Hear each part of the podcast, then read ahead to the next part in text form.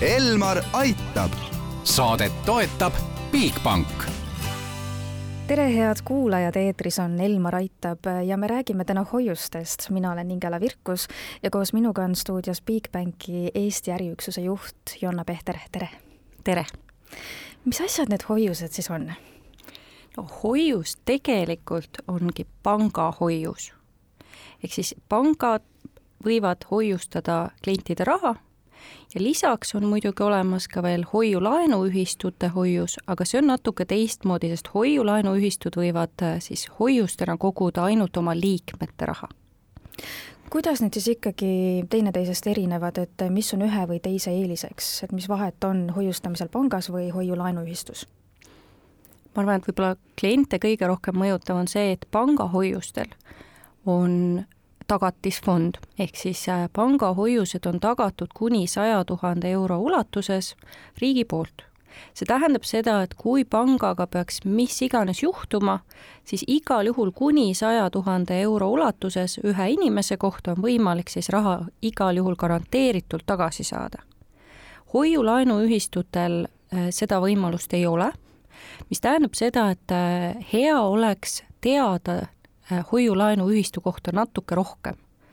ehk siis äh, see ei tähenda, et äh, hoiu-laenuühistus jääb alati oma rahast ilma, sugugi mitte, aga peab natuke rohkem süvenema selle osas, et millega hoiu-laenuühistu tegeleb ja, ja kuivõrd seal tõepoolest see raha on turvaline, sest kui hoiu-laenuühistu peaks minema pankrotti või sattuma makseraskustesse, siis seal jagatakse raha täpselt selle järgi, kui palju seda raha seal on ehk siis võib vist öelda, et hoiu-laenuühistute puhul on intress äh, suurem kui pankades, aga samas on ka riskid suuremad? täpselt nii.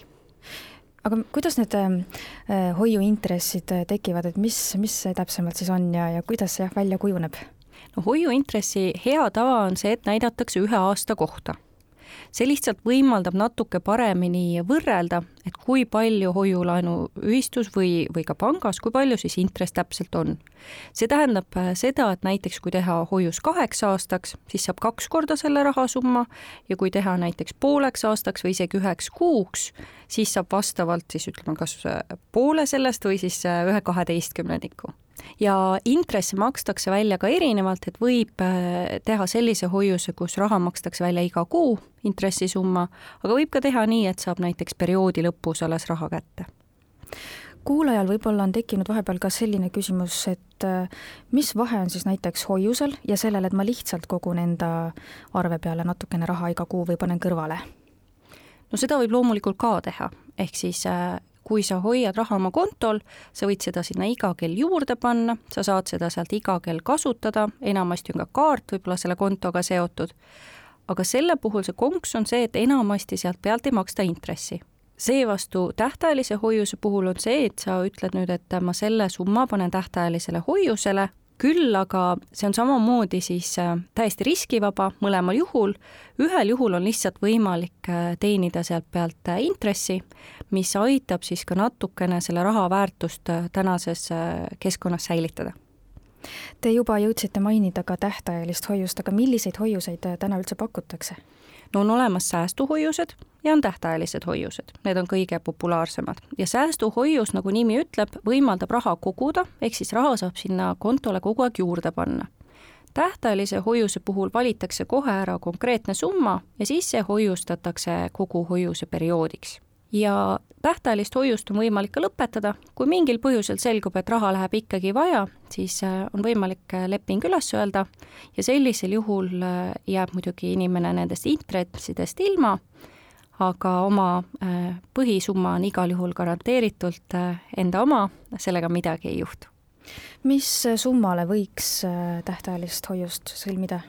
no viissada eurot on tavaliselt see kõige minimaalsem summa, aga võib põhimõtteliselt lõpmatuseni ka miljonitesse eurodesse ulatuvaid hoiuseid, sest hoiustajad võivad olla nii eraisikud kui ka ettevõtted.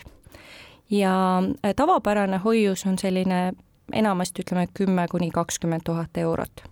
ja kui pikaks ajaks äh, tavaliselt saab tähtajalise hoiuse investeeringut äh, teha?